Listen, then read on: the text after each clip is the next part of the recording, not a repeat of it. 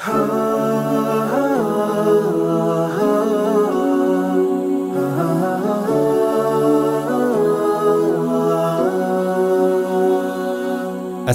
alaikum och hjärtligt välkommen till Koranpodden. Jag heter Sally och detta är Koranpodden. Podcasten som hjälper dig förstå Allahs ord och där vi träffar spännande personer och samtalar med dem om hur Koranens budskap påverkar deras liv. Du lyssnar på poddavsnitt 196 och alldeles strax ska du få lyssna på mitt samtal tillsammans med Fittim Dushko mer känd som coach Dushko. Fittim är personlig tränare som driver sin egna rehabklinik och han, lyssna på detta, modellerar också vid stora fashion shows i Skandinavien. Jonas från Koranpodden-teamet gästar också samtalet som ställer bra och relevanta frågor till coach Dusko. Men innan du ska få lyssna på ett spännande samtal med coach Dusko om att vara en drivande entreprenör med målet och siktet på att hjälpa människor vill jag önska dig en välsignad Ramadan. Den heliga månaden är äntligen här. En månad för introspektion, kontemplation, reflektion, en tid att varva ner, en tid att närma sig Guds ord, Koranen. Ramadan är en andlig månad då vi närmar oss vår skapare men också våra medmänniskor som har det svårast.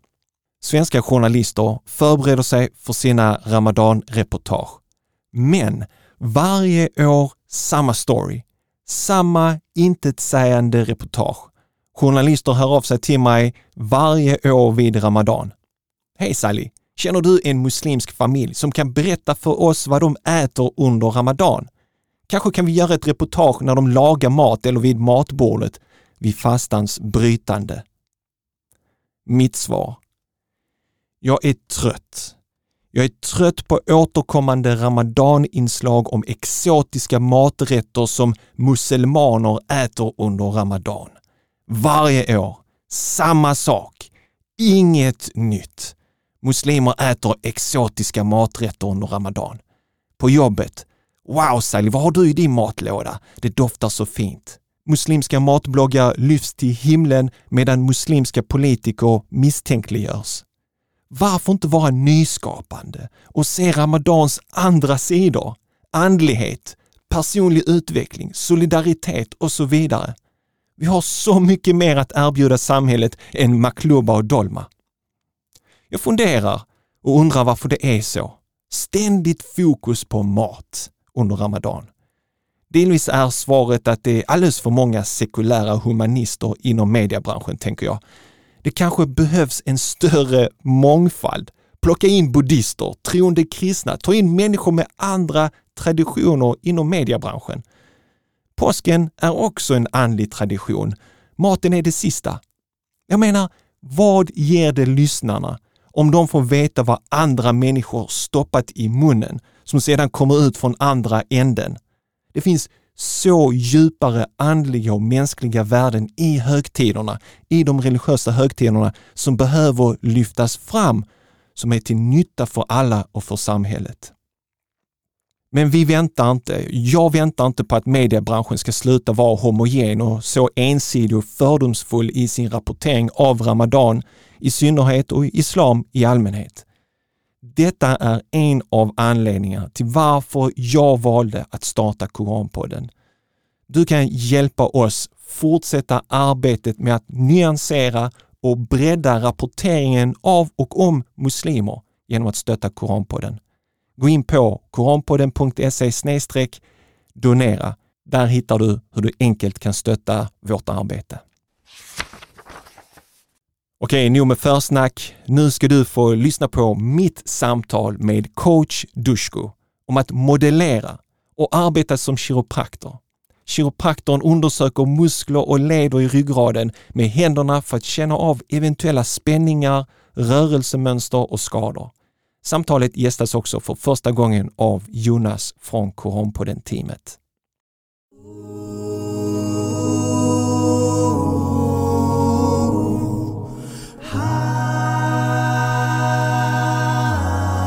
Det är min stora ära och nöje att ha eh, bror Fitim här och Tarek Jonas också med oss. Salam alaikum bröder. Wa alaikum salam. Mashallah, exakt samtidigt. Är det en sån Helsingborgs eh, Yeah. grej? Vi är väldigt 100%. synkade överlag, jag och Tarek. Eh, toppen att ni kunde ta er tiden den här söndagen och komma ut eh, till studion och eh, ställa upp på en intervju inshallah. Äran är helt och hållet vår. Ja, tack så mycket för att vi fick komma. Yes. Eh, jag tänkte coachen, coach Dushko, Det stämmer. som du också kallas för. Jag tänkte vi, om du kan berätta lite grann om dig själv och Jonas också inshallah. Varsågod. Är mitt, ja, coach Dushko, Fitim Dushko då. Mm. Eh, 24 år gammal, jag blev faktiskt 25 nu i oktober. Jag bedriver en klinik i Helsingborg. Coach Dushko kroppsklinik och en PT-studio också. Där jag utför personlig träning. Väldigt skräddarsytt såklart. Mm. Eh, jag har hållit på med detta nu i ungefär fyra till fem år. Det var då jag började någon gång. Jag, jag, jag tror du har en tredje grej som du gör. Eh, att jag modellar. ja, Ja, precis. lätt- Den glömmer man lätt. Nej, det, jag modellar också. Jag har eh, faktiskt gjort väldigt stora gigs både. Jag har varit på väldigt stora fashion shows, Skandinaviens största, mashallah. eh, Mashallah. olika magasiner och liknande. Sen har jag väldigt fina kontrakt utomlands också, mashallah. som väntar men man har inte tagit dem än. Jag har försökt hålla det lite mer som en hobby. Ja, men du vet jag, för jag, har varit på din sida och liksom kollat Mm. och sådär. Så ibland är du i kostym med världens grymmaste Ja. klockor, så tänker jag på min, min klocka, den är inte så... Det beror på vad jag får för klockor av, eh, av eh, företaget. helt Ja, har du gjort mycket reklam för klockor då, eller det är mer kostym? Och, Eh, eller vad, vad är det för Det är produkt? väldigt olika faktiskt. Mm. Det har varit allt från hårprodukter till eh, Mm. kläder, det har varit eh, någon bil, det har varit eh, klockor, Apple till exempel, Apple Watches eh, och liknande. Men framförallt fashion shows. Det är någonting jag tyckte var väldigt roligt. Cool. Hur kommer man in på det spåret? Det var faktiskt väldigt kul hur jag kom in på det. Jag har alltid Ja. velat hålla, hålla på som modell redan Ja. som liten. Ja. varit väldigt noga du vet, med att håret alltid skulle vara fixat och även om det inte var klassfoto. Eh, så jag var faktiskt ute på McDonalds med några vänner. Mm. Och så kommer en eh, dam fram till mig och sträcker fram handen för att hälsa på mig. Jag hade ju en massa salt på mina fingrar från pommes. Så det blev väldigt awkward den första stunden. Så frågade hon mig, eh, vad jobbar du med? Mm. Så sa jag till henne, jag, bara, jag går på gymnasiet. Hon bara okej, hon bara, "Eh, har du något, jobba, är du signad av någon modellagentur eller så? Det var väldigt random, jag visste inte vem personen Okej. var. Hon presenterade sig inte heller Okej. i början. Så jag bara nej, det, jag är inte signad. Så frågade hon mig, är du intresserad? Mm. Så frågade jag mig, jag vem är du ens? jag Jag tänker på dina kompisar måste bara liksom, what's up? Ja, de, nej, de kollade på mig och bara, åh, du vet ta chansen och så. Jag bara, Ja. jag vet ju inte ens vem det är. Ja. Eh, Så fick jag faktiskt eh, ett visitkort av henne. Så sa hon bara, jag är en scout. Hon presenterade sig. Hon bara, jag är en scout och... Scout, vad är det? Alltså scouter för mig är sådana som går ut i skogen och Ja. plockar stenar och finns, startar eh, eld och sånt. Precis. Nej, modellscouter, de jobbar ju för agenturerna. De Ja. går runt till exempel på shoppingcenter eller liknande utanför arbetstid till och med. Mm. Ser de någon som de anser kan vara passande för deras agentur så går de fram och frågar är du intresserad? Här har du ett visitkort, kom in till oss liksom. Och det här var för Mikas i Stockholm. Jag tror det var Mikas. Vad, är det för något? Det är agenturen. Ah, okej, okej. Jag tror det var den agenturen hon var från. Jag minns inte, det var ett tag sedan. Eh, Men det var väldigt kul för hon gav mig lappen och mina vänner var väldigt hypade. Jag fattade fortfarande inte vad som hade hänt. Jag höll på med mitt pommes fortfarande. Eh, Det var sista gången jag åt pommes. McDonalds också. Nej men jag höll på att äta pommesen så när jag skulle gå och lämna tillbaks eh, och kasta soporna, skräpet som jag hade på Mm. min bricka. Så hade jag råkat kasta in visitkortet Oh också. man! Och jag glömde var hon var ifrån, vad Oh. agenturen heter. Så jag tänkte bara det här är kört. Jag Men kommer aldrig... eh, störtdykar du? Dök inte in i inte jag. soporna? Min vän gjorde det. In med hela armen. Han bara drar upp tröjan. Så bara ser man ketchup, senap på armen när han tar ut den. Det var, det var faktiskt riktigt kul. Det var höjdpunkten med hela Han, han, han gav sitt liv för dig där. sig- Han bara, du ska inte missa den chansen. Jag bara, ja, men jag kan gå in och kolla på nätet. Han bara, nej. Och så Ja. bara dukade han in och Grymt, plockade grymt. fram den. Så träffade jag dem efter det så Mm. eh, var det en annan agentur jag faktiskt signade med istället. Mm. Och, och vad började du med då? Var det kostym, klockor? Ja, eh, första modelluppdraget, vad var det? Jag tror det var en kostym. Mm. Eh, och sen faktiskt strax efter det, bara någon månad senare, så blev jag kallad till eh, Mm. en, eh, en eh, fashion show. Skandinaviens största, den var i Göteborg. Mm. Så den var häftig. Och då var det allt möjligt. Det var, Vad är det sån typ catwalk då? Precis, alltså man det var cat, exakt. Det var catwalk. Och det var väldigt, väldigt intensivt. Vi hade Mm. ungefär åtta, jag hade åtta olika företag. Mm, Så du har ju företagen som kontaktar vår chef just det. och säger till honom att jag vill att Fittim ska ha vårt plagg och det är den här outfiten. Så vi kommer dit till exempel på torsdagen, testar alla plagg, ser så att allting passar, de ger oss en viss stil Mm. och sen går vi igenom koreografin. Och sen fredag, lördag, söndag är det showtime.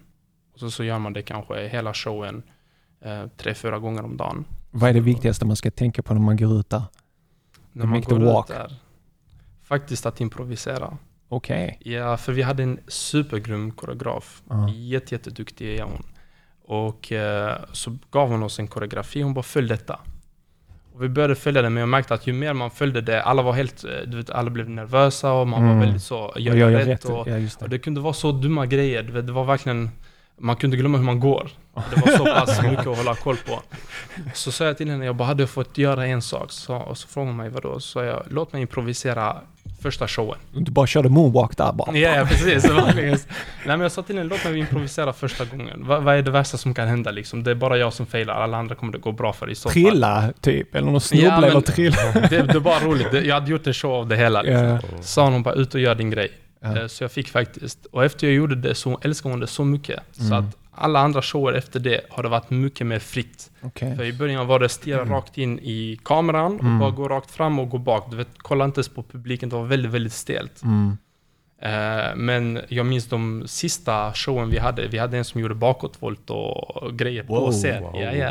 För eh, det var för Intersport.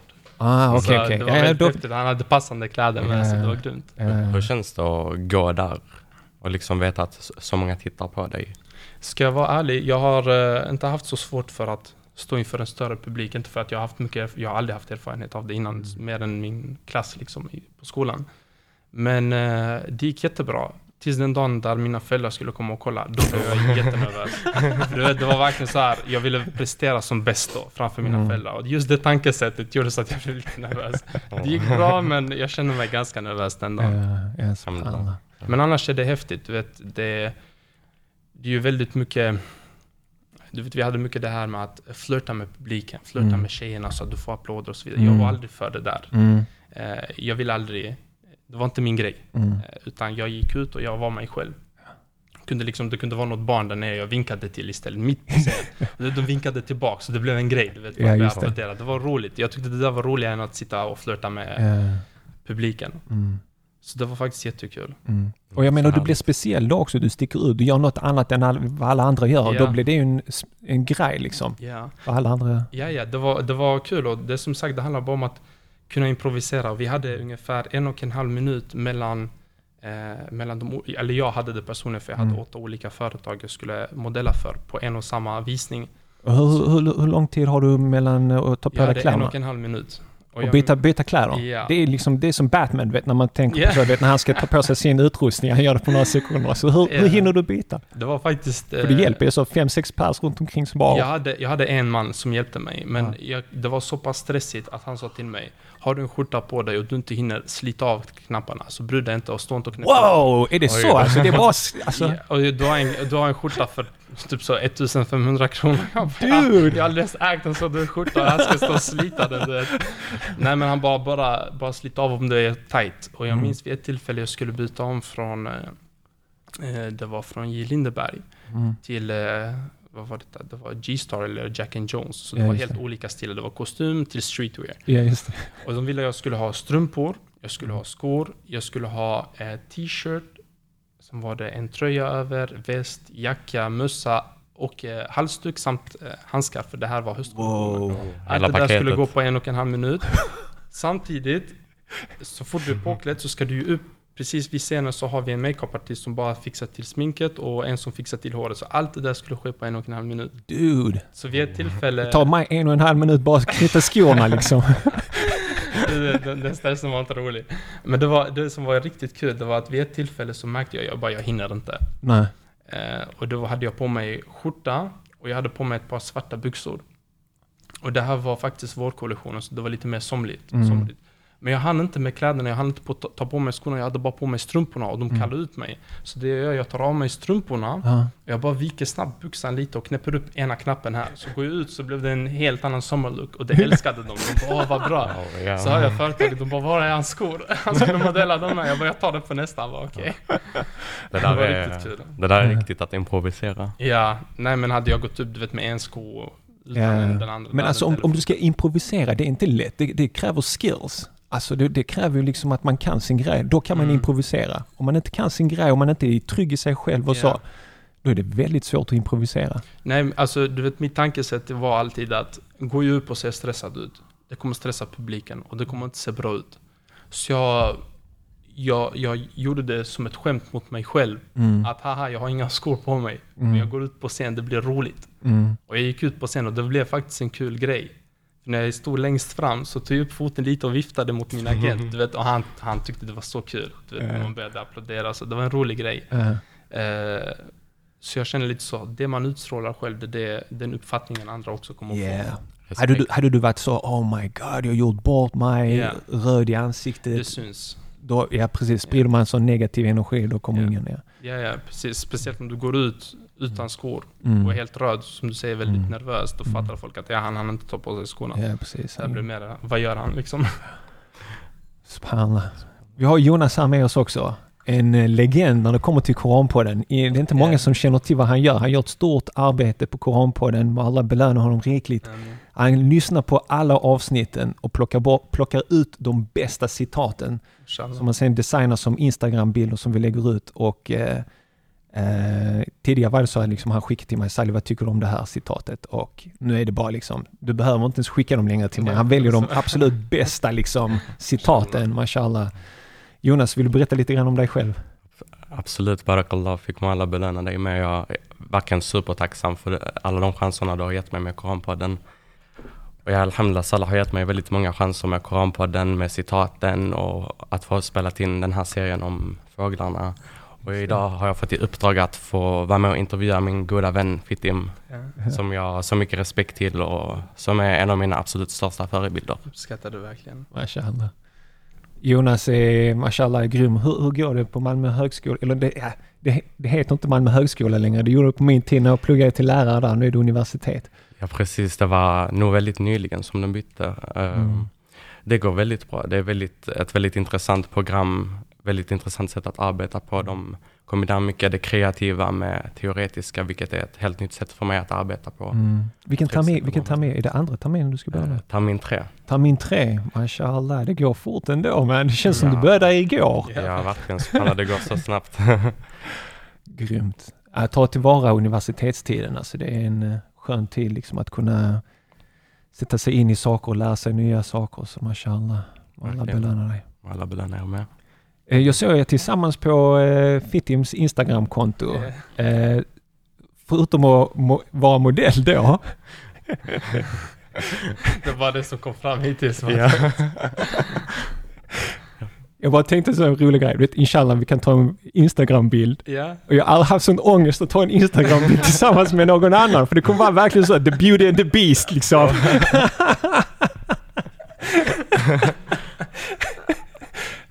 Ja, jag vet. så jag vet inte. Min skjorta jag med. Ja, bara ni hade sett honom live så hade ni inte hållit med.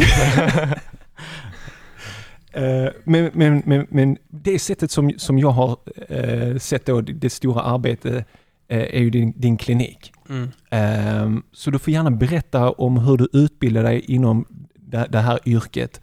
Eh, och sen så kan vi prata om, om dina videoklipp och Ja, sånt. ja, ja. Men, men hur kom du in på det som du jobbar med? Vad, vad är, vad är yrket? Alltså, så här är grejen. Jag... eh, Det var väldigt, väldigt tidigt eh, som jag ville... Nu låter jag som alla på, på Idol och Talangar. Det har alltid varit en dröm eh, jag har haft sedan jag var liten. Nej, men jag har alltid eh, tyckt om att underlätta för människor. ah, Minsta lilla chans som att hålla dörren öppen för mamma eller hjälpa en äldre dam med en kasse eller vad det än må vara. Det har alltid varit en, eh, en stor grej för mig. Jag minns även som liten jag brukade tänka att oh, jag drömmer om en dag när jag kan betala eh, för ingredienserna som personen bakom mig i kassan har köpt. Subhanallah. Så att jag kan betala för dem också. Det var liksom en sån, jag vet inte, det skulle ge mig glädje om jag kunde göra det. Och eh, Så jag, jag minns, jag nämnde faktiskt för mamma väldigt tidigt eh, just det här. Så sa jag till henne, jag bara mamma, jag vill på något sätt bli en superhjälte. Precis som alla andra barn jag säger. Så frågar man, ja men är det Superman, Spiderman, vad är det? Jag bara, nej nej, alltså kanske en läkare eller någonting. Jag hade ju inte koll på exakt vad, Mm. vad en naprapat, eller vad en kiropraktor eller vad en osteopat är. Utan det var bara någon typ av hjälte, någon läkare eller något liknande. Så sa hon till mig, jag har bara en grej jag vill lära dig. Som jag vill att du tar med genom hela livet. Hon sa att du ska aldrig, aldrig någonsin utnyttja den som är i behov. Mm. Och det tycker jag har varit det viktigaste för mig. Som jag har fått den viktigaste läxan. För när jag tänker efter. När du har en person som kommer in till dig och säger du jag behöver verkligen hjälp. Man kan utnyttja dem väldigt hårt. Mm. Det kan vara någon som säger till dig du det här är på liv och död. Jag behöver låna lite pengar för vi ska, jag behöver mat till mina barn. Då kanske du säger till dem ja här har du 100 kronor men jag vill ha 500 tillbaks. Mm. Han kommer göra det för han har inget alternativ. Det är hans barns liv som det, det handlar om. Liksom. Och samma sak hos mig när någon kommer in till mig och säger du, jag har det här och det här och det här problemet. För mig räcker det inte med att bara få höra det utan jag vidare gräver i det och försöker hitta ännu fler problem hos personen.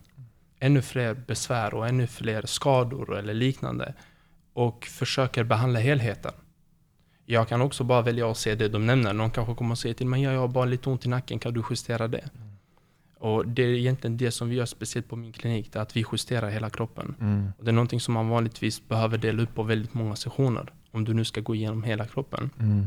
För ett vanligt besök kanske tar 10-15 minuter. Du går in, du får nacken justerad eller ryggen justerad. Här går vi igenom allting. Och eh, då har jag haft vet, väldigt många som har sagt till mig, men varför jobbar du på det sättet? Det är inte bra. Det är inga pengar att hämta i det på det sättet. Mm. Eller liksom, du kan, om du kan snitta 30 behandlingar per patient, varför gör du inte det? Hellre ha så här mycket pengar än att få bara in en behandling. Mm. Och då brukar jag säga till dem, det har helt och hållet att göra med vad man har för tankesätt, vad är det man jobbar för? Det är okej om man vill bli rik. Mm. Det är helt okej om du vill köra en turbil och bo i en fin villa, varför inte?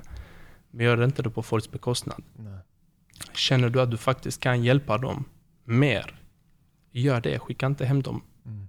Utan hjälp dem så mycket du kan för tillfället. Sen behöver de komma in igen, absolut. Varför inte? Det är inte så att det, det här är ingen mirakel, det här är ingen magi. Det är inte så att man bara trollar och någon blir helt frisk. Alhamdulillah, majoriteten kommer in en gång och de behöver aldrig komma in igen med, med samma besvär. Ungefär 98% av våra besökare, 98,2%. Mm. De kommer en gång med det bekymret, sen kommer de inte igen för samma grej i alla fall. Men om jag liksom skulle veta att jag kan göra mer för den här kunden, den här Mm. personen, den här besökaren. Jag kan göra mer för den här personen, men jag skickar hem dem. Mm. Det hade jag inte klarat av. Så jag har byggt upp ett koncept i mitt huvud och även mina anställda, för jag har anställda som utför hijama hos oss, våtkoppning. Just det. Uh, Och även de har jag varit jättenoga med att när någon kliver in genom vår dörr, då är den personen inte bara en kund, en besökare, en patient, en klient, utan det här är en familjemedlem.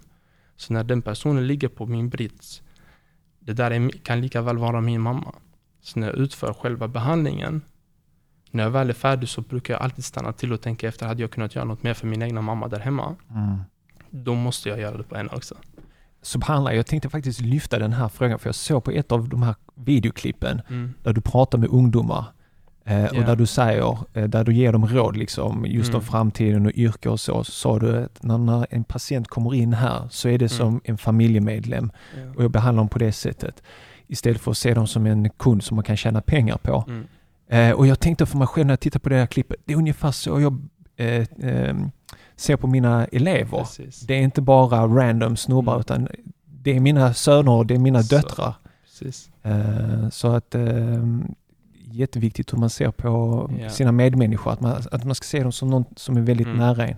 Så är det, du vet. Och jag tror det är väldigt viktigt att man alltid håller igenom det där. För människan testas på olika sätt. Min pappa brukar alltid säga till mig att människan testas som mest vid två tillfällen. När den personen får status när personen blir rik. Är man fortfarande sig själv? Är man fortfarande ödmjuk? Är man fortfarande medmänsklig? Eller börjar man helt enkelt strunta i allt och alla och känna sig själv väldigt hög, Mm. högfärdig? Så han brukade alltid säga att kvitta var ni kommer någonstans i livet, kom ihåg de här grejerna. Att i slutändan, ni är här en viss period i livet, lämna något gott efter er. Nej. Och det ledde mig väldigt mycket till det andra med modellandet också. Jag kände för mig själv att eh, jag vill lämna något väldigt, väldigt stort och gott här på jorden. sen när man, när man går bort. Eh, och jag tänkte, jobbar jag inom modellandet, ja det kan vara någon sorts inspiration och du vet man kan ge lite tips om skönhet och det ena det andra, plagg och outfits. Och det, det är också stort, absolut. Men till sist kanske jag kommer ha någon bild här och var, du vet på något shoppingcenter eller ute i stan. That's it. De Ja. finns där i kanske två, tre år, sen plockas de ner, en annan modell sätts upp. Mm. Och allt man kommer ihåg från mig, det var ah, det var en modell, han såg bra ut. Men här, det är en helt annan grej. Mm. Du vet, ibland kan jag träffa folk som kommer fram och tackar mig ute på gatan. Jag känner inte den pe- personen, för jag, känner, jag kommer verkligen ihåg alla jag har haft hos mig. Jag är jättenoga med det där, kommer ihåg alla. Även om jag inte kommer ihåg hela deras story, Nej. jag minns vem personen är. Jag minns att de har träffat mig och att jag har kunnat underlätta för dem. Och det här kan jag komma ihåg för att jag ser dem som en familjemedlem. Mm. Så ibland så har jag någon som kommer ut från mitt på gatan och vet, tackar mig. Tack för detta och tack för detta. Och jag bara, hur? Jag har aldrig hjälpt dig personligen. De bara, nej det har du inte, men du hjälpte en kusins frus eh, son eller Ja. liknande. Och du vet, eh, sen har det här spridits och den informationen har kommit till mig. Så nu sover jag rätt, nu går jag rätt, nu tänker jag på detta och nu tänker jag på detta. Jag tänker på vad jag äter. Och man förstår egentligen inte hur stort detta blir. Mm. Mm. Och det är så, så skönt när man sen liksom vet att man har kunnat hjälpa så många och man har lämnat något så pass stort och gott efter sig. Så, så det är liksom inte bara personen direkt som, som får en positiv förändring utan människor i deras Mm. omkrets går fram och tackar och behandlar. Men, men titeln som du har nu, det är... Ja, alltså grejen är den, jag jobbar ju med, jag jobbar ju både med HVLA och manipulationer. Alltså det man kallar för kiropraktik i Sverige. Okej. HVLA står för High Velocity Low Amplitude. Det är det det egentligen heter, själva metoden. Mm. Så de här justeringarna ni ser, de kallas egentligen för HVLA-manipulationer. Det är liksom, du, du gör sådana, du vet, Justeringar. du drar dem i precis. nacken och armarna. Och, Ja. alltså, det är bara förenklat så, men Precis, så man, man grejer kan förflytta sig i kroppen. Det kan vara från eh, någon trauma, det kan vara från en väldigt dålig vana man har haft, man har suttit fel väldigt länge eller legat fel under en längre period och så vidare. Eller varit med om som sagt en olycka, en whiplash-skada eller en diskbråck eller det ena och det andra. Och då går man in och utför vissa justeringar för att kunna rätta till det här så gott som möjligt. Och det kan ge väldigt, väldigt bra resultat. Det var lite som vi pratade innan. Ja, ni har sett på Instagram. Vi har patienter som kommer in i rullstol, i kryckor och går ut på egna ben. ja. Eh, Men sen så har vi också de som kommer in i rullstol och går ut på egna ben. Mm. Fast de har vi inte postat. Jag, jag har sett kvinnor, äldre kvinnor som kommer in och så säger du liksom dra upp armen så långt Ja. du kan. De kan liksom inte ta upp sina armar Mm. utan att det gör ont. Och sen så börjar du ditt arbete. Mm. Du vrider där, knäcker där, eller ja, Mm. kan man få knäcka eller? Ja, Vrider på... precis. Vi, Jag vet. justera. Justera, justera, justera Ja. låter bättre. Knäcka låter lite... Ja, ja. Alla säger knäcka så det är helt okej. För jag tror knäcka fingrarna eller sånt. Ja. Men, men så gör du din grej och, så, och hon skrattar. Mm. Och hon är så glad och, liksom, och sen så bara, okej lyft händerna nu. Ska de lyfta händerna? Och så, är det så här, och så säger de, i 20 år har jag inte kunnat se på Mm. mina tår. Mm. Jag har inte kunnat titta upp på taket på 15 år. Mm. Alltså vet, det är sådana här stories, alltså människor har inte kunnat röra på sig. Mm. Vi pratar inte bara dagar, alltså vi pratar år. Ja, ja, ja. Hur har de kunnat leva så länge utan att få hjälp? Så kommer de till Mm. dig och så, så löser du det på några minuter. Jag ska faktiskt ta ett konkret exempel här. Susanne, jag har lagt upp henne på, eh, på Instagram och på Facebook också, även på Youtube. Och hon ville verkligen att jag skulle sprida detta. Hon sa till mig, men berätta för andra med. Ja. Eh, Den här damen har varit med om ungefär, mm, jag tror hon sa nio olyckor. Hon har Mm. haft flertal strokes, hon har haft det väldigt, väldigt illa. Och det var, vi snackar inte små olyckor, allt från båtolyckor till cykelolyckor där hon har knäckt grejer. Hon sa, jag vet inte om det är något förutom mitt eh, nyckelben som jag inte har knäckt i kroppen. Mm. Det var verkligen illa. Men det jag tyckte om med henne väldigt, väldigt mycket var att när hon kom in, det första hon sa till mig, hon bara allt från vänster armbåge ner till fingertopparna fungerar. Mm. Så det första hon sa, hon påpekade det enda som fungerade i hennes kropp.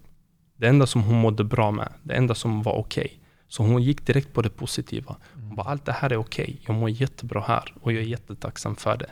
Sen har jag lite problem här och var. Och när jag gick in i de här små problemen och frågade vad är det för problem så visade det sig vara väldigt, väldigt stora problem. Hon hade ju såklart sökt väldigt mycket hjälp men aldrig känt att hon fick den hjälpen hon behövde. Och hon ville komma in väldigt länge hos mig. Men eh, det är ganska tajt med tider. Jag har hört det så, om jag bokar tid idag, när får jag plats? Eh, förhoppningsvis augusti någon gång 2022. Skoja! Så, Man måste typ klona dig eller någonting sånt. Har du Ja, funderat ja. på den utmaningen? Alltså vet när folk så bokar så bara, du är välkommen nästa år. ja, alltså grejen Hur, är hur skulle den, man kunna lösa det? Jag har faktiskt jobbat jättemycket kring det och det är, många, det, det är detta som är väldigt, jag tycker det är detta som är det mest utmanande i mitt arbete. Ja. Att kunna få folk att förstå Ja. hur intensivt och hur tätt det faktiskt är med tid. Jag har eh, exempelvis, vi har ett års väntetid Mm. och det är för att vi själva begränsar det till ett år. Okej. För annars, enligt statistik, vi hade kunnat ha upp till 3-4 års väntetid nu. Mm. Om vi bara hade lagt upp tider kontinuerligt så hade vi kunnat ta upp till 4 års väntetid. Wow. Men det vi gör är att vi lägger ut ungefär, låt säga 50 tider nu till nästa år. Mm. Sen väntar vi tre månader, sen lägger vi 50 nya tider. Så att vi alltid har ungefär max ett år eh, som väntetid. För jag hade aldrig velat säga till någon, "Ja, men du är välkommen om fyra år. Ja, precis. Det är lite så, även ett år känns mycket. Ja. Men jag har, jag har helt enkelt blivit van vid den tanken om att det är så det är. Mm. Så att de som kommer nu, de har bokat för ett och ett halvt år sedan. Just det. De som kommer imorgon har bokat Hur, hur reagerar kunderna då? Alltså de kommer så och de tror de ska in till dig nästa vecka och du bara, ja du är välkommen nästa år. Ja, alltså i, i första, första reaktionen är väl oj, du vet varför är det Mm. möjligt? Och du vet jag behöver verkligen hjälp. Sen den andra reaktionen är att men vänta, det här är ju faktiskt riktigt, riktigt bra. För att Mm. hade han inte varit duktig så hade han inte varit förbokat ett år fram. Nej, precis. Eh, och Är det sådana som försöker gå shortcuts? Ja, ja, ja, ja. Det finns, eh, det är så pass, det är jättestandard. Ja. Jag har varit jättenoga med det, både personligen men som sagt även med mina Mm. anställda.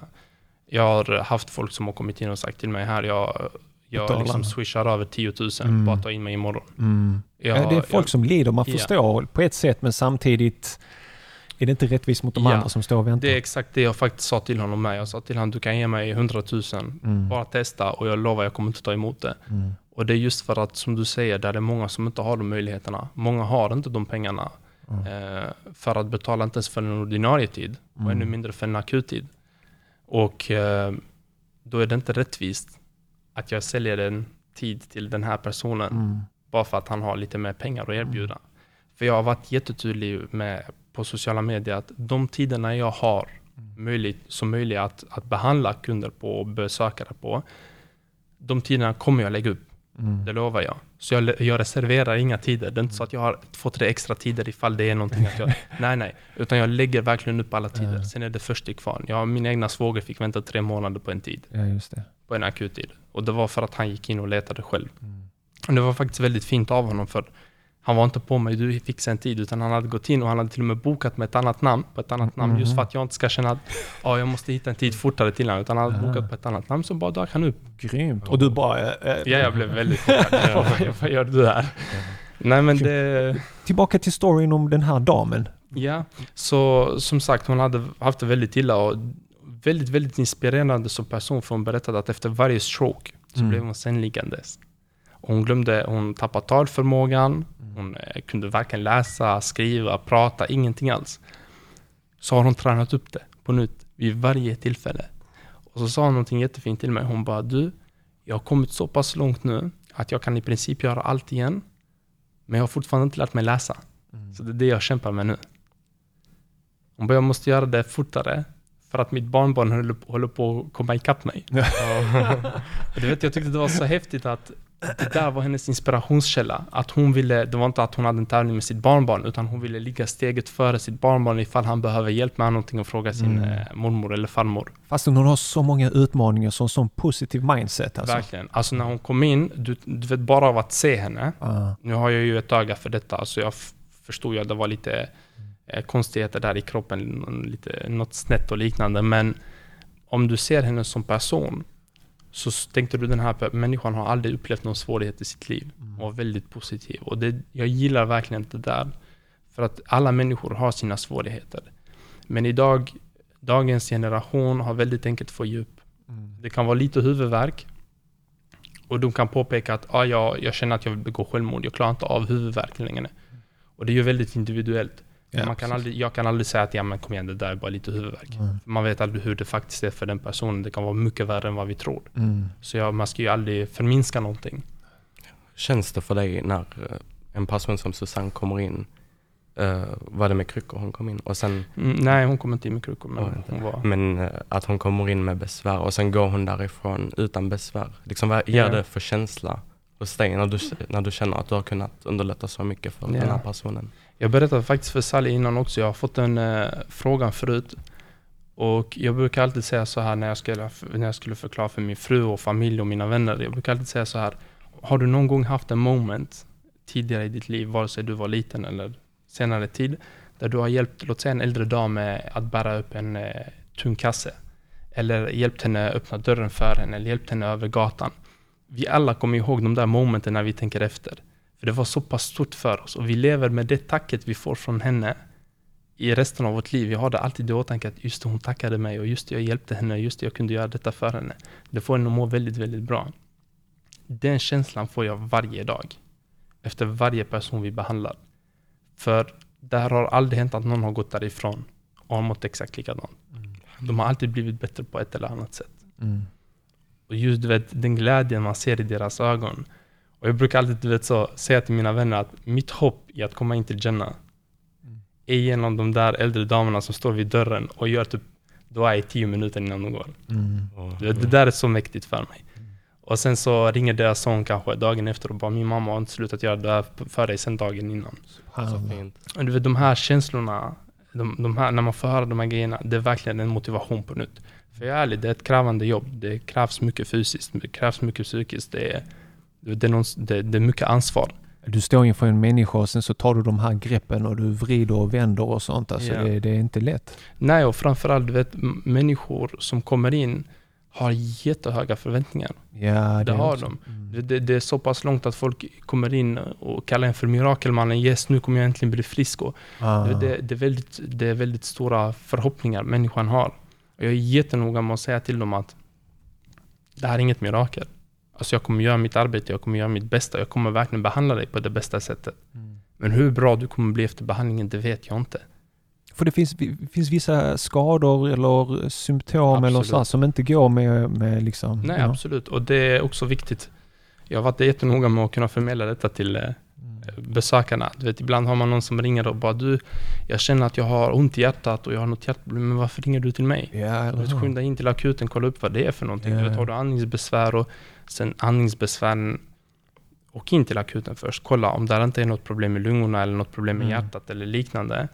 Absolut, då kan det vara så att det är något skelett, något revben som behöver justeras och eh, någon, någon bröstrygg som behöver justeras och det kan hjälpa jättemycket på vägen. Men ta rätt håll först för jag kommer inte operera dig om du, om det skulle vara någonting akut liksom. Nej, nej. Jag som känner dig vet ju att du arbetar väldigt hårt med detta och så genuint också mashallah. Hur mycket av din tid går åt detta arbetet? Alltså typ hur ser din vecka ut? Ja, alltså det är väldigt olika. Jag har definitivt stabiliserat det lite. Förr var det, jag kan vara ärlig och säga det var överstyr. Och det var för att när jag, låt säga jag vaknade på morgonen så hade jag en lista med hur många som hade velat boka in sig. Och så försöker du klämma in allihopa. Ja, Så många du kan eller liksom försöka precis. hjälpa så många. Men, men samtidigt som jag är mån om att alla ska få exakt den tid de behöver. Ja, ja. För jag kan utan överdrift säga nu att jag kan snitta minst 50 om dagen om jag vill. Mm. utan överdrift, 50 patienter om dagen. 50 besökare är inga svårigheter för mig alltså att, att snitta varje dag. Mm. Men det är 5-6 minuter per besökare. Det kommer definitivt inte ge de här resultaten det gör nu. Nej. Så istället är att tyvärr, någon får vänta, men när man väl kommer in så får man den hjälpen man behöver. Och i början var det att jag kunde vara, jag minns vid ett tillfälle, där insåg jag att det här funkar inte. Jag vaknade på morgonen, jag såg listan var lång. Jag bara, jag ska klämma in alla, så jag har kunnat hjälpa de här alla, för jag vet inte när jag kommer kunna hjälpa dem nästa gång, för det var fullbokat. Jag var där sex på morgonen. Jag kom hem halv två, två på natten. Holy smokes! Och då bodde jag hos föräldrarna. Jag hade haft bara mina korta pauser för att be. Ah. Jag hade, och där klämde jag in lite mat också. Du vet, bara en banan eller någonting. Och sen bara jobbade och jobbade och jobbade. Det var verkligen den inställningen om att hjälpa alla. Ah. Typiskt amatörmisstag som man brukar göra. Det är sån nybörjarmisstag, för jag känner igen Ja. det från frugan och butiken. Du vet, när vi började Tahara en gång back in the days, då var det också sån, bara jobba på och sen så Precis. börjar man hitta ett normaltillstånd. Ja. Och mitt normaltillstånd hittade jag faktiskt där när jag kom hem där vid två på natten. Och så såg jag att min mamma hade somnat sittandes. För hon väntade på mig. Okej. Så hon, eh, hon, de gav mig aldrig press på det sättet om att ah, men kom hem tidigare. För de ville aldrig störa mig i arbetet om man Nej. säger så. Mm. Men eh, samtidigt så var hon ju orolig. Så när jag väl kom hem, jag såg henne sådär, jag tänkte det här är inte värt det. För samtidigt när jag väl var hemma så kollade jag på listan, den hade bara ökat. Så alla de jag ja. hade tagit idag, listan var ännu längre för imorgon. Och det är inte lönt. Ja. Alltså det går inte oavsett hur hårt och hur mycket jag jobbar. Det går inte. Så jag började faktiskt eh, lägga upp ett bättre schema. Och sen så började jag, började jag även implementera akuttider. Så, så för de som verkligen, verkligen behöver komma in. Mm. Då finns det kanske 20 akuttider i månaden. Så behöver man inte vänta ett år. Just Sen är det för stickfarm. Mm. Men det är fem minuter, sen är de borta. Kommer de ut på hemsidan då? Eller? De kom ut på hemsidan. Men eh, Vet, har- du, vet man vilken tid? nej, det vet inte jag heller Så du var- faktiskt. Okej. Det, jag har en anställd som sköter det. Jag har sagt Mm. till eh, min anställda att du får sköta den biten för jag hinner inte. Jag fokuserar bara på, på besökarna liksom. Du löser allting annat. Så hon bara lägger upp lite akuttider här och var. Hon kollar hur mitt schema ser ut. För det många inte heller förstår det att jag håller ju samtidigt på mycket med personlig träning. Mm. Jag är ute och föreläser ibland och det kräver också jättemycket tid. Mm. Så jag hinner ju inte. Det är ju inte så att jag bara sitter på kliniken och behandlar. För vissa kan tänka att, ja men, du vet, om du är där från åtta på morgonen till, eh, låt säga fem, då hinner du ändå med en del kunder. Ja, jag förstår, men jag jobbar inte så. Utan jag kan vara där sex på morgonen till exempel. Då tar jag emot min första, sen jobbar jag tre, fyra timmar. Sen går jag in så har jag något träningspass med någon. Mm. Sen har jag lite telefonsamtal, lite möten som jag måste ta. Och sen så ska man ut och föreläsa kanske en timme, två timmar på eftermiddagen. Och sen komma tillbaka och ha en, två kunder till. Så det, det är jätteolika från dag till dag. Men det är lätt hänt att man tar jobbet med sig hem, tyvärr. Ja. Jag, jag funderar på vilken utbildning gick du? Alltså jag, jag, gick, jag gick olika, jag byggde upp det själv. Mm. Jag gick eh, exempelvis personlig träning. Sen eh, gick jag utbildningar inom anatomi, fysiologi, patologi. Och sen så la jag till eh, justeringarna, behandlingarna. Så jag har läst lite utomlands och sen har jag läst lite här i Sverige också, i Stockholm. Och sen har jag läst eh, akupunktur och jag har läst eh, vad mer är det? öronterapi. Okej, öronterapi. Ja. Det är faktiskt en kinesisk eh, behandling. Ja, just det. Just det. Där man eh, behandlar via örat med nålar. Det är ingenting vi använder just nu i praktiken men eh, det var någonting jag ändå ville Jag ha. tänkte dra någon i örat. You know. det, det är en vanlig fråga, kan man knä, knäcka örat? Man kan få till ett knak men det är inte... Jag har fått testa på det här med örat. Det var väldigt häftigt. Jag kommer ihåg att det Ja. ökar blodcirkulationen väldigt Precis. snabbt. Jag kommer ihåg att jag kom till dig och jag var liksom lite så här kall och Ja. så, kylen. Och sen efter en stund så blev jag som vanligt igen. Mm, mm, Och Ja, ja, den är häftig. behandlingen, jättekul. Den är häftig. Det är, det är så mycket olika. Och jag tror det, det är det som också är väldigt bra med vår klinik. Att vi har så många typer av behandlingar vi kan erbjuda. Så när någon kommer in till mig så säger de att jag är här för att justera hela min kropp. Mm. Det kanske inte är det de egentligen behöver. De kanske behöver någonting helt annat. Mm. Kanske, de behöver kanske en hijama direkt, en våtkoppling. Eller så behöver de någon typ av massage innan kiropraktiken. Så det är...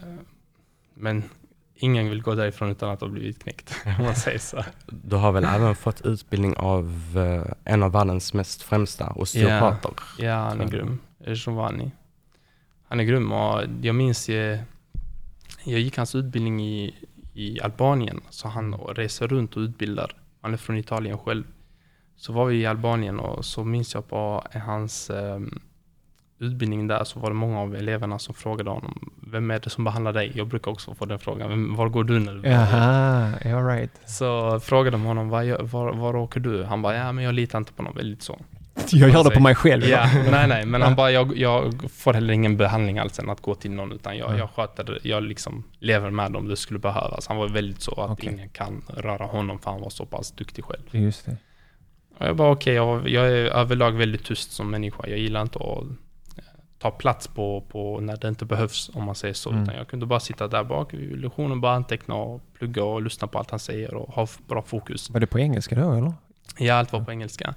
Sen eh, minns jag att eh, det här var redan andra dagen så sa han till mig, eh, det var precis innan lunchrasten, så sa han till mig, du, jag vill att du behandlar mig. Okej. Du behandlar hela min kropp. Och jag hade ju jobbat med detta, så det här var en tilläggsutbildning. Liksom. Jag, jag la bara till lite fler justeringsmetoder. Så sa jag till honom, du vet, jag ville att han skulle förstå att han är inte så pass, alla är lika mycket värda för mig. Ja, ja, Inte ja. bara för att han har en status eller är min lärare. Du ville sätta han på plats? fast på ett respektfullt sätt.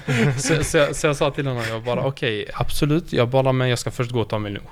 Okay. Så gick jag och tog min lunch och jag la till en halvtimme. Det var kaxigt för honom kanske? det var det, men jag visste att han verkligen behövde det. Okay. Så jag la till en halvtimme där extra på min, eh, på min Låter väldigt långsamt. Ja, ja, precis. Nej, men jag kom tillbaka och sa han till mig, han bara, nu ska du köra, köra behandlingen på mig. Okay. Så jag till honom, jag bara, nej inte riktigt än. för där, är, där det var två andra elever som faktiskt väntade på behandlingen. Okay. Jag bara, jag ska ta det i tur och ordning. Jag bara, för, för mig alla är lika mycket värre. Jag ville verkligen att han skulle förstå. Det konceptet. No. Uh, så jag gjorde behandlingarna på de två, sen bara la han sig på britsen och han gav telefonen till sin son, han bara spelade in. Så gjorde jag behandlingen till honom. Uh, och han gick, liksom när han gick upp, han bara det här känns så bra. Han bara jag har mm. följt dig på sociala medier i minst ett halvår och han okay. bara du, du, är riktigt duktig. Han bara enligt mig, du kommer ta nummer ett i mm. framtiden. Mashallah. Så det var, det var kul att höra det av honom. Ja. Han är väldigt duktig. Han är tydligen alltså en legend inom eh, de han kretsarna och åker runt hela världen. När ska du börja vi har, köra din äh, egen undervisning? Ja, alltså. jag har faktiskt inte gjort det offentligt men vi, vi är på gång. Ni jobbar på något ja. sånt koncept? Ja. Jag har ju jag har två stycken som jag håller på att lära upp själv. All right. Som ska jobba hos mig mm. på kliniken just med mitt koncept. Mm. Att man tar hela kroppen. Du kan hitta folk som är villiga att jobba för dig men då är det som sagt det klassiska vi fokuserar på en grej idag, sen kan du komma nästa vecka så tar vi en annan grej. Utan just mitt koncept om att ta helheten. Jag har en två stycken som jag håller på att lära upp. Mm. Så fort de är färdiga så är vi intresserade av att börja utbilda också. Ja, just det. Jag har jättebra lokaler för det. Mm. Jag har kanske sju, åtta rum. Din, din klinik är i Helsingborg? I Helsingborg, ja. Okej. Okay. Har du folk som kommer från andra delar av landet? Ja, ja. Oh, ja. Vi har från Stockholm varje vecka. Subhanallah. Finns det inte andra inom din bransch? Eller du har... Jo, det ett... finns. Jag, jag är jättenoga med att säga detta till folk. Jag vill inte att någon tror att jag på något sätt känner mig duktig. Finns det inga i Stockholm eller? Men jo. inte lika duktiga kanske? Nej, alltså som sagt, ja, det finns säkert många som är riktigt duktiga, mm. som är super, super duktiga. Men uh, varför folk väljer att komma hit, det är mm. liksom individuellt från person till person varför de väljer att komma hit. Och vi har det inte bara från Sverige, utan vi har faktiskt mycket från utlandet nu också. Skoja. Så Vilka hade, länder då? Vi har haft en från Afrika, vi har haft från USA. Wow, vi du! En, vi hade en från Irak. Vi har en som... Väntar de också i ett år eller? Ja, ja, ja. ja. Det, där det spelar ingen roll som sagt. Okay. Det, det jag, jag, jag har, du, har du gjort reklam i Afrika? Nej, eller i... jag frågade faktiskt honom för det, var, det här var jätteintressant. Just uh. här, den här behandlingen var jätteintressant. För när han kom in, han kunde inte gå. Uh. Eh, var, han var 35 år gammal. Och jag minns jag frågade honom Ja, men det, det, förlåt att jag avbryter det här, men det måste vara riktigt svettigt om du har någon som kommer från Afrika yeah. och han kan inte gå och han kommer till dig och du vet så, miracle man. Det blir, lite, det blir lite så, ganska hög press. Nej, men han, säger till mig, du vet när han kommer in, det första han säger, han bara, hinner vi på, jag vet inte hur många timmar han sa, han bara, hinner vi med behandlingen så här snabbt för jag har mitt flyg tillbaka om, de här, om så här wow. många timmar. och jag bara, ja det gör vi.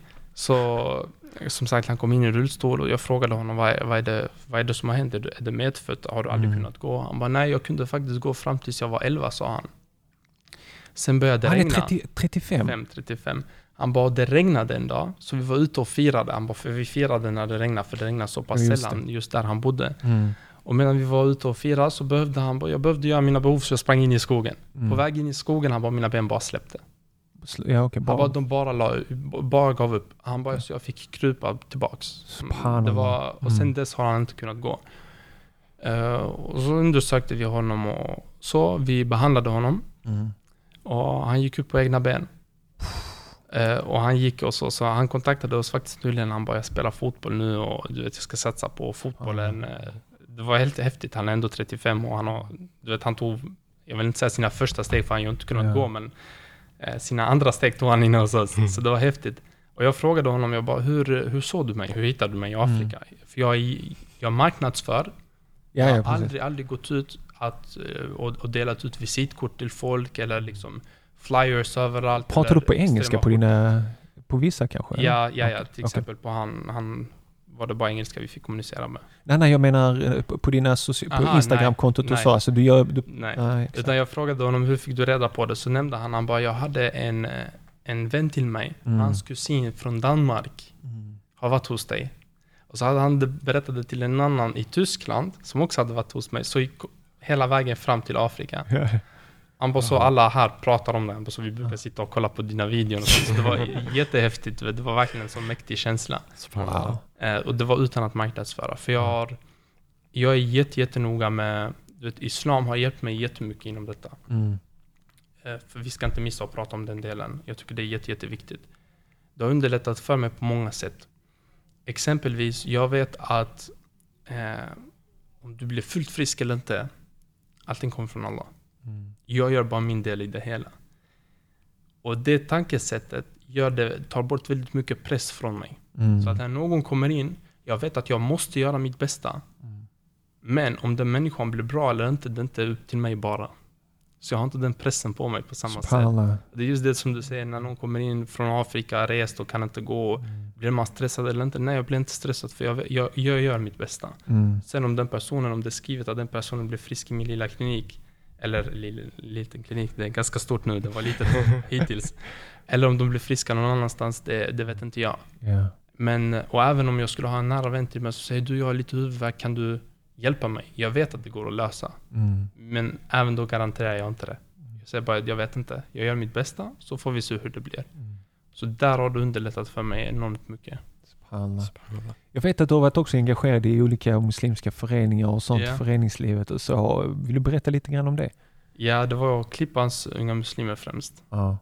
Eh, och det var en ide- ide- ideell eh, organisation, eh, förening i Klippan. Och vi jobbade främst med att eh, faktiskt inte så mycket dawa, i den aspekten att vi går ut och du vet eh, predikar och nej, det var inte så mycket det, utan det var, vi var ute och hjälpte jättemycket på flyktingförläggningar. Mm. Allting var ideellt. Vi hade många eh, killar som, och, och tjejer som kunde olika språk. Mm. Så de hjälpte till med att översätta. Vi hade många som var ute och packade och liknande. Sen har vi också haft många eh, projekt där vi har varit ute och träffat eh, folk på äldreboenden. Så vi har haft samarbete med olika äldreboenden. För det är många som är ensamma och sånt, eller? är det det som är Ja, tanken? precis. Det är ju exakt det som är tanken. Så vi besökte dem kanske minst två gånger i månaden. Åkte vi in, träffade dem, spelade lite sällskapsspel, bjöd på fika. Vi, de tyckte det var jätteintressant när vi berättade någonting om våra hemländer. Eller de själva var faktiskt väldigt intresserade. De frågade, men vad är pilgrimsfärden exempelvis? Mm. Och då hade jag och min bror gjort den, så min bror berättade vad pilgrimsfärden är och varför vi gör den och så vidare. Och ja, men kan vi få testa någon maträtt därifrån? Och så bakar man någonting eller lagar någonting och tog med det. Och den uppskattningen man fick därifrån. För många påpekade, de sa våra egna barn kommer och besöker oss kanske en gång per halvår om ens det. Ja, det är kaos man. Ja, och de bara att ni kommer hit så här ofta. Mm. Vi har, vi har, vi har skapat, skapat en starkare bond till er, som Mm. inte ser våra riktiga barn, än vad vi har till våra riktiga barn, för de träffar oss aldrig. Mm. Eh, Så det har varit mycket, de här grejerna, vi har varit ute mycket och gett ut gratis saker till eh, hemlösa och du vet eh, olika organisationer som har det tufft, samlat ihop pengar och skickat till länder som är utsatta av krig och liknande. Bodde, bodde ni i, i em, Klippan. Klippan då? Mm. Ja. Du vet, för Klippan är för alltid för mig förknippat med mordet på en svart Ja. man som låg död i, i, Mm. Bland buskar och folk bara gick förbi liksom. Så då, alltid den bilden har fastnat av Klippan Ja. liksom som en sån riktigt rasseställe. Tills jag träffade en barnmorska Mm. och så vet inte hur vi kom in på Klippan och sen så pratade jag så sa jag men eh, jag har den här bilden av Klippan Mm. men det är säkert mina fördomar som precis ma- massor med människor har fördomar om Malmö och sånt du vet. Ja. Och bara nej, jag har varit mycket Ja. i Klippan och sånt. eh, Det där stämmer nog en, en Ja. del. Så hur, hur, var det med den här stämningen i Klippan liksom just med? Så vi, vi, jag minns, vi gick ju grundskolan på, grund, grundstadiet gick vi på en skola eh, där det var väldigt beblandat. Både folk som var födda, svenskfödda och folk som har kommit från andra länder. Mm. Och det, det gick bra. Det var inte så konstigt liksom där i, under den perioden. Men jag minns när vi skulle gå över till högstadiet så kom vi till en skola där det bara var etiskt svenska födda, eh, födda svenskar. Och där var man inte, det var inte lika lätt om man säger så. Så det var väldigt mycket problem där och väldigt mycket rasism överlag. Mm. Men vi har klarat oss bra. Pappa brukar alltid säga så länge ni inte drar in er i problem, det är sällan att problem faktiskt kommer till en som är oskyldig. Ja, är vi hade aldrig problem med någon så, vi hade det alltid väldigt, väldigt lugnt. Mm. Vi var väl uppfostrade, du vet, fokuserade bara på plugget när vi var i skolan och ja, vi hade, hade aldrig dåliga kretsar liksom. Men eh, man har fått höra lite ord från och till. Mm. Det har man fått göra. Även ute på gatan har man kunnat höra någon. Jag glömmer aldrig, det var en kvinna en gång. Det var direkt efter förra valet. SD kom ju Just det. i Klippan. Så höll vi på att hjälpa, jag höll på att hjälpa en svensk dam i min trapphus. Mm. Eh, Hon, behövde, hon skulle flytta så jag höll på att hjälpa henne. Och när jag bar ut grejerna så gick det en annan kvinna förbi. Hon bara, jag passar på att packa och åka till hemlandet, säger hon. Hon förstod inte att jag höll på att hjälpa henne.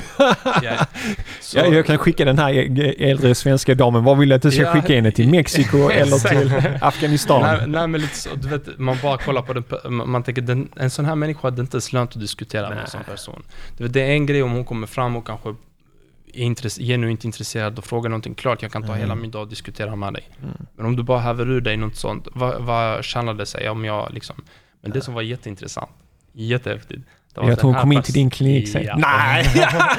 Så det var, jag var, jag Oj, tänkte... Det var riktigt häftigt. Och du vet, Åh, jag du kände- måste berätta. jag visste ju vem det var. Jag Ah. kände ju, jag, jag visste inte till 100% vem det var, för hon var ju en bit ifrån när hon hävde ur sig Mm. detta. Men... Eh, Kände hon igen dig? ja, så det var faktiskt hon som Åh. påpekade. Hon bara, jag minns, hon bara, jag vill bara säga det här och där, så hon erkände. Ah, Hon bara, jag skäms otroligt mycket. ja. Hon bara, för jag har haft en dålig fördom Mm. och jag vet inte var det kommer ifrån. Hon bara, för jag har aldrig upplevt någonting själv. Hon bara, jag har aldrig upplevt någonting Mm. negativt. Det är aldrig någon som har gjort någonting mot mig personligen. Så det är bara vad man hör på sociala medier. Mm. Hon bara, så jag, plus det där med valet, hon bara, jag kände att vi fick lite makt. Så, bara, så jag hade ur mig det där.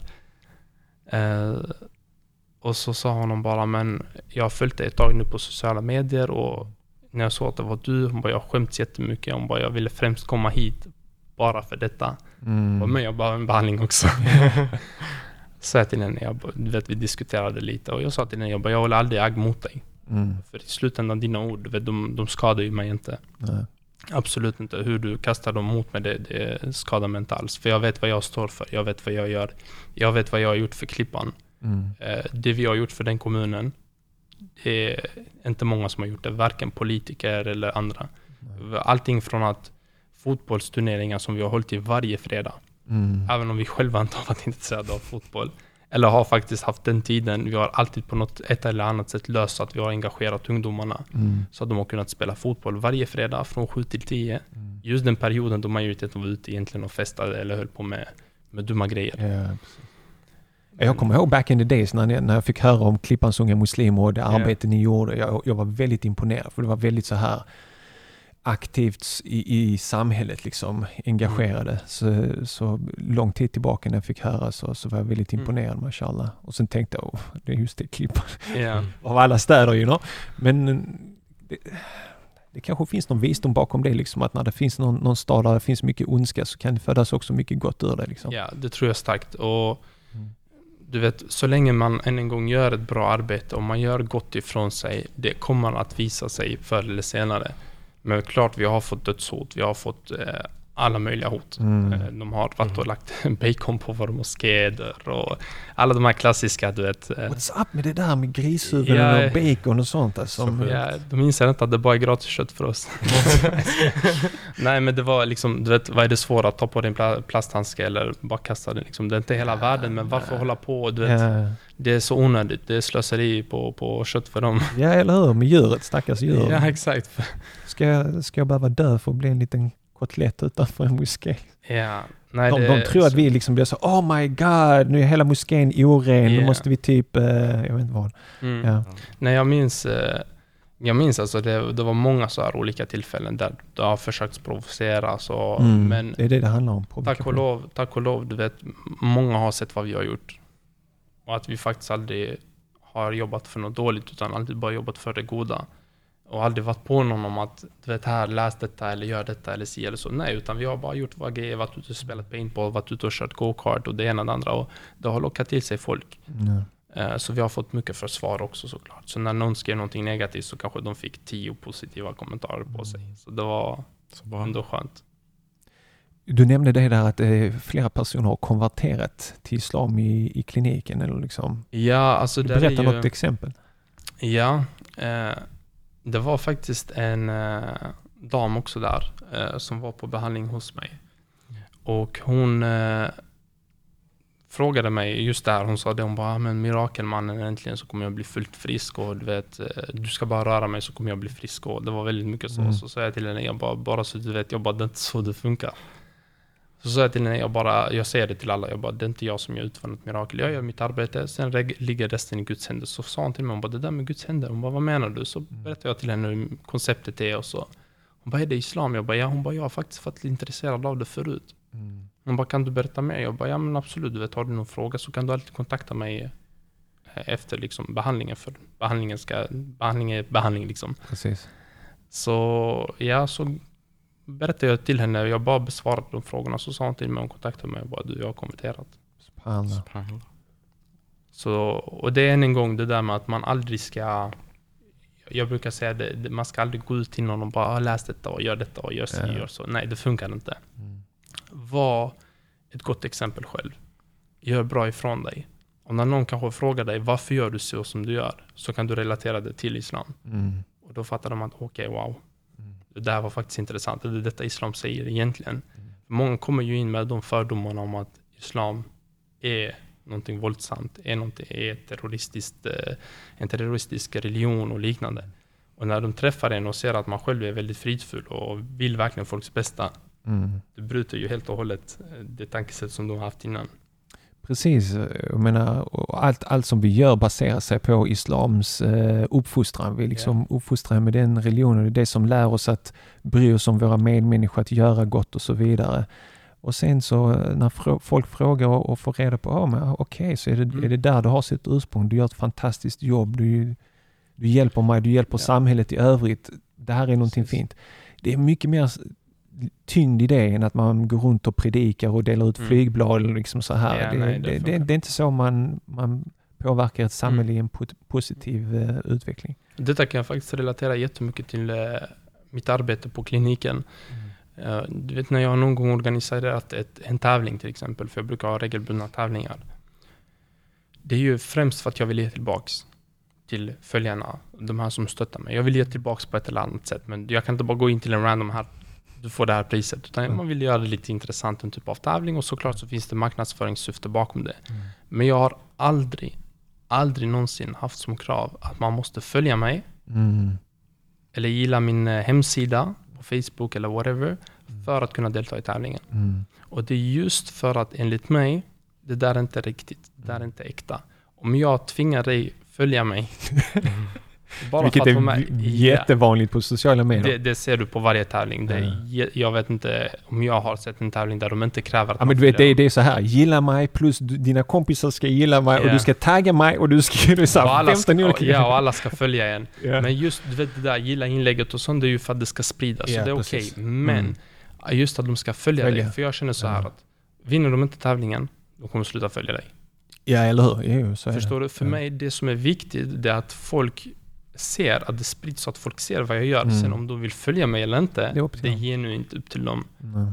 Och det är därför jag ser när jag lägger upp någonting på, jag kan lägga upp någon fråga på Instagram liksom, ja eller nej, på vad den må vara. Det är så pass många som deltar. Mm. Man kan ha 2-3 tusen som deltar och det är jättehäftigt. Folk är verkligen engagerade, folk vill verkligen. Och det, det tycker jag är jättegrymt. Och det är samma sak som du relaterade till islam. Det handlar inte om att tvinga folk att följa. Det, det funkar inte. Ja. Utan du kan ge dem exempel. Mm. Du kan visa dig själv hur du är och hur du fungerar. Sen när de har sett det, om de gillar det eller inte, så är det upp till dem. Mm. Som allt annat i livet egentligen. Sant. Vad skulle du vilja, um, jag inte, omtagning. Ja, ja. Vad skulle du vilja säga till någon som lyssnar, som nu känner sig inspirerad att vilja följa sin dröm? Mm. eh, kanske starta sitt egna företag eller vad det kan vara. Va- Vad skulle du vilja säga till dem för att så här peppa dem och motivera dem? Ja, alltså framförallt det absolut viktigaste av allting. Det där work hard, play hard. Nej. Nej. Utan, ja, work hard, but stay humble. Det är jätteviktigt. Var ödmjuk genom hela processen. Om du är högmodig, det kommer inte ta dig någonstans. Även ho- hos mig, kommer någon in till mig och jag är högmodig, jag vill inte ens lyssna på vad de har att säga, utan jag ska börja säga vad det, de, vad det egentligen är. Eh, om någon skulle börja säga, ja men jag har det här, nej nej, du har detta. Hur ska jag veta det? Var ödmjuk, lyssna in folk, lyssna på tips du får, rådfråga. Och känn inte att du är ensam. Det är också en jätteviktig grej. För många tänker att oh, jag helt själv ska hinna med allt detta. Det går inte, det är inte mänskligt. Jag lärde mig det det hårda sättet. Det var när jag kom hem två på natten. Mm. Det går inte att göra allt själv. Be om hjälp av människor du litar på. Och försök hålla grejer så diskret som möjligt tills det har hänt. Mm. Jag minns när jag skulle öppna kliniken, ingen som visste det. Inte ens eh, mina nära vänner visste att jag skulle öppna en klinik. Och då helt plötsligt var det öppet. Så var det faktiskt en kille, vän och vännen, jag kände, som sa till mig, han bara, "Hej, du, jag blev faktiskt lite irriterad över att du aldrig berättade för mig och att du skulle öppna så. Så sa jag till honom, jag bara, hade du hjälpt mig på något sätt om du hade vetat? det?" Eller hur? Jag bara, hur hade du kunnat stötta mig? Ja. Han bara, nej men det känns som att du lämnar mig i mörkret. Jag bara, men liksom, säg hur du hade kunnat, vad du hade kunnat göra. Så absolut. Jag bara, jag tar med dig i nästa grej. Jag bara, om du vill och hjälpa mig, jag bara, det är fler projekt jag har igång. Det är samma sak, jag intervjuade en syster på- podden också och hon valde att konvertera till islam. Mm. Hon hade inte sagt någonting till sin närmsta kompis Ja. liksom, utan det var en inre personlig resa som hon Precis. gjorde och sen så bestämde hon sig för att konvertera så berättade hon till sin kompis och hon var jättebesviken. Sa, du Ja. har inte alls berättat någonting, Ja. Då, varför har du inte delat detta? Hon bara, men det är en personlig liksom, resa som jag gör. Alltså vissa grejer, vi delar mycket, men man kan inte dela allt man gör i sitt liv liksom. Jag minns ett citat som var väldigt häftigt. Det var eh, Never forget that inv- invisibility is also a superpower. Ja, alltså ja, att, ja. vara, att vara osynlig. Mm. Det i sig är också en superkraft. Mm. Man behöver inte skryta om allt man har. Man behöver inte skryta om eh, du vet, sin bil och vad man, man har köpt en ny fåtölj, man lägger upp det på Instagram direkt, Mm. förstår du? Alla vet hur ditt hem ser ut. Ja. Alla vet vad du äter, alla vet vad du dricker, alla... Det är okej om man vill, om det är det livet man vill leva. Men samtidigt om du frågar mig, vill du vara framgångsrik? Ibland är det bättre att alla inte vet exakt vad du har för planer. Jag, jag, jag, jag, jag, ibland, ibland undrar jag också när, när folk lägger ut vissa bilder, liksom, hade de gjort så framför en människa? Mm. poserat på det sättet. Det, det tror jag inte. Men, men de gör det framför en kamera och sen, och sen så lägger de ut och Precis. helt omedvetet om att tusen människor tittar på liksom Ja. någon som vet, så, pussar mot kameran bara. Men hade Ja. du gjort som jag hade träffat dig på, på gatan liksom? Man måste nog fundera ett par varv innan man eh, När man postar postar grejer. Verkligen. Ja, så är det, men eh, i slutändan, det är en väldigt personlig grej, en individuell Mm. sak hur man, hur man själv som människa liksom inspirerar vad man har för sätt att göra det på. För vissa är det viktigt att jag får uppmärksamhet. Ja, ja. Så vad det är jag postar, bara jag får uppmärksamhet. Mm. Det är det viktigaste för mig. Eh, Men som sagt, jag tycker det är viktigt att man kan hålla det lite mer. Sen en annan grej i följd med din fråga innan. Vi människor tenderar att använda vissa både fraser och ord som jag anser sänker det väldigt mycket det vi gör. Exempelvis när vi vaknar på morgonen, det första vi tänker är jag måste till jobbet. Mm. Jag måste gå och gymma. Jag måste äta nyttigt. Jag måste detta, jag måste detta, jag måste det. När du säger måste och måste till dig själv, du sätter en viss stressfaktor på det.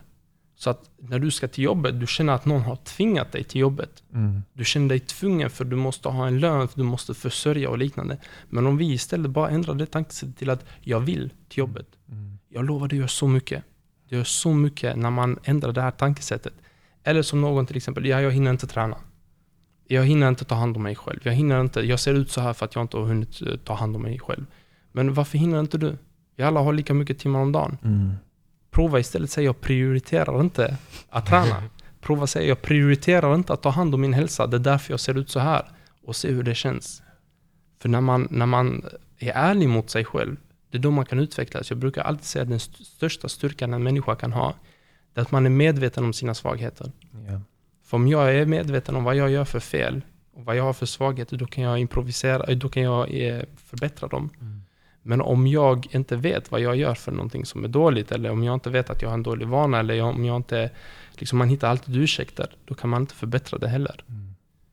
Lär känna dig själv som eh, de gamla filosoferna brukar säga. Liksom, om du inte gör det så, om du försöker lura dig själv så är det svårt att komma Mm. framåt. Mm. Så är det, men det är mycket de här vardagliga sakerna vi säger. Man inte tänker Eh, inte på. ja, Exe- ett annat exempel, jag minns jag, jag satt och åt mat med en, eh, med en vän och så fick han ett samtal från jobb som han verkligen var tvungen att ta. Så jag gick upp och pratade i samtal och jag har, det är bara en sån grej jag har att jag äter inte förrän den personen sitter med mig. Så maten han ju kalla ordentligt för det hade gått minst 20 minuter telefonsamtal. Och jag var helt okej med det. Jag var faktiskt helt okej med det för det var, han sa att det var viktigt och jag litar ju på honom. Och när han kom tillbaka, han bara förlåt, förlåt och ursäkta mig och det var verkligen förlåt och bla bla. Så jag till honom, jag bara, allt det här du sa hittills, jag bara, du hade kunnat ersätta det med en grej som hade betytt mycket mer. Och han frågade mig vadå? Jag bara, du hade istället kunnat säga tack för tålamodet. Mm. Istället för att vet, bara be om ursäkt och förlåt, förlåt, förlåt, för det lägger en negativ betoning på det hela också. Ja. Säg istället tack för, det, tack för tålamodet, Mm. tack för besväret, tack för att du väntade. Mm.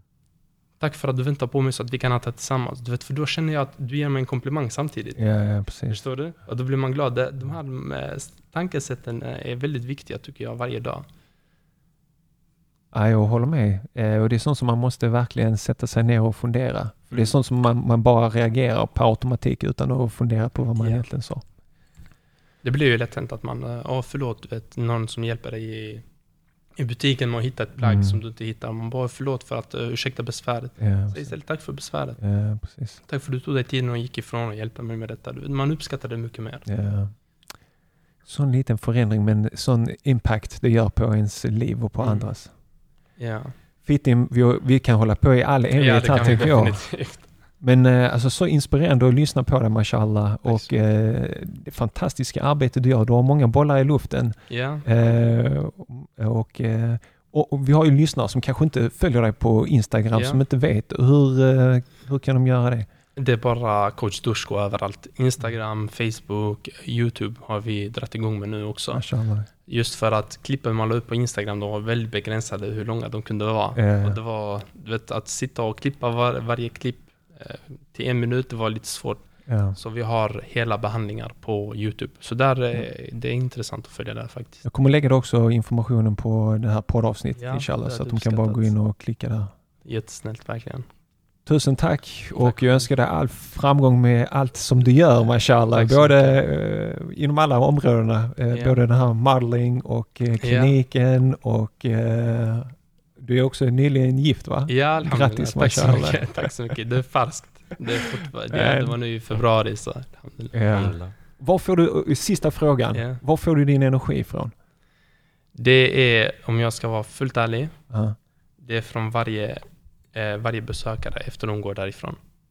För när jag väl har någon på behandling, det är som jag säger, det är mycket ansvar psykiskt och psykiskt påfrestande. Mm. Men när man väl är färdig med den personen och de går upp och säger kolla vad jag kan göra med mina armar. Jag Mm. kan ta djupa andetag, jag kan andas lätt, jag kan gå, jag kan äntligen leka med mina barn. Motivationen bara stiger over the roof liksom.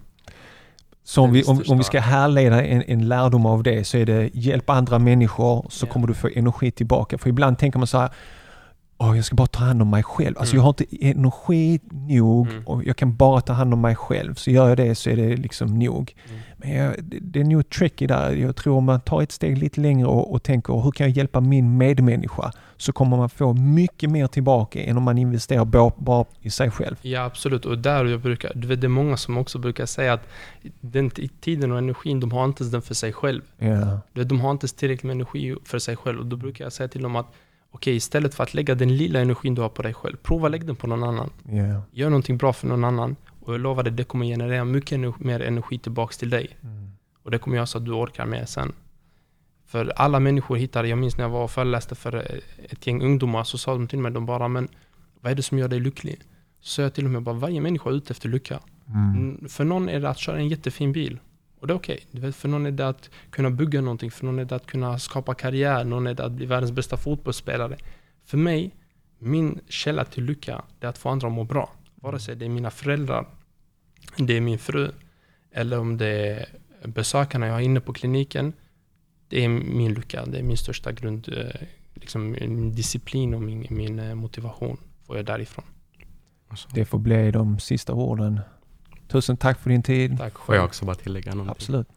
Jag vill bara tillägga Fitim att tack så jättemycket för allting du gör. Sluta aldrig vara dig själv. Må alla belöna dig och må alla bevara din familj. Och jag hoppas verkligen att Marvel signar, där, signar Marvel, dig för, oh det hade varit något. för du är verkligen en superhjälte Tack mashallah. så mycket. Tack så mycket. Jag uppskattar verkligen de fina orden. Här har vi också en källa till min motivation. De här orden. Tack så mycket. Barakallah. Tack för att du lyssnade på mitt samtal med coach Dushko. Något som jag tar med mig från mitt samtal med coach Dushko är hur han ser varje kund, varje patient som en familjemedlem. Tänk om vi alla i våra yrken hade bemött andra människor på det sättet, hur mycket bättre och hälsosammare skulle inte samhället vara då? Om du fann samtalet med coach Dusko lika inspirerande som jag gjorde skulle jag uppskatta om du delade samtalet med någon som du känner är intresserad av inspirerande livsresor. Skicka ett mail eller ett sms med direktlänken till intervjun koranpodden.se 196. Nästa vecka är jag tillbaks med en morgonandakt av Salim Nayar när dyslexi, svårigheter att lära sig att stava och läsa, blir till en superkraft. Missa definitivt inte morgonandakten med Salim Nayar när dyslexi blir till en superkraft. Som jag nämnde i början på detta poddavsnitt kan du vara med och stötta Koranpoddens arbete att nyansera och bredda rapporteringen av och om muslimer i Sverige. Besök vår hemsida koranpodden.se och klicka på donera i menyn. Må Gud belöna dig. Följ oss på Facebook och Instagram där du kan följa arbetet med Koranpodden bakom kulisserna. På vårt Instagram postar vi regelbundet inlägg med inspirerande citat ur Koranen och från våra olika avsnitt. Vill du komma i kontakt med mig eller vill tipsa om någon som du vill att jag intervjuar så gör du det lättast genom att mejla mig på hej koranpodden.se. Då återstår det bara för mig att önska dig en härlig vecka. Tack för att just du lyssnar på Koranpodden. Vi hörs igen nästa vecka på måndag inshallah med ännu ett nytt poddavsnitt. Ta hand om dig tills dess. Salamu alaikum wa rahmatullahi wa barakatuh.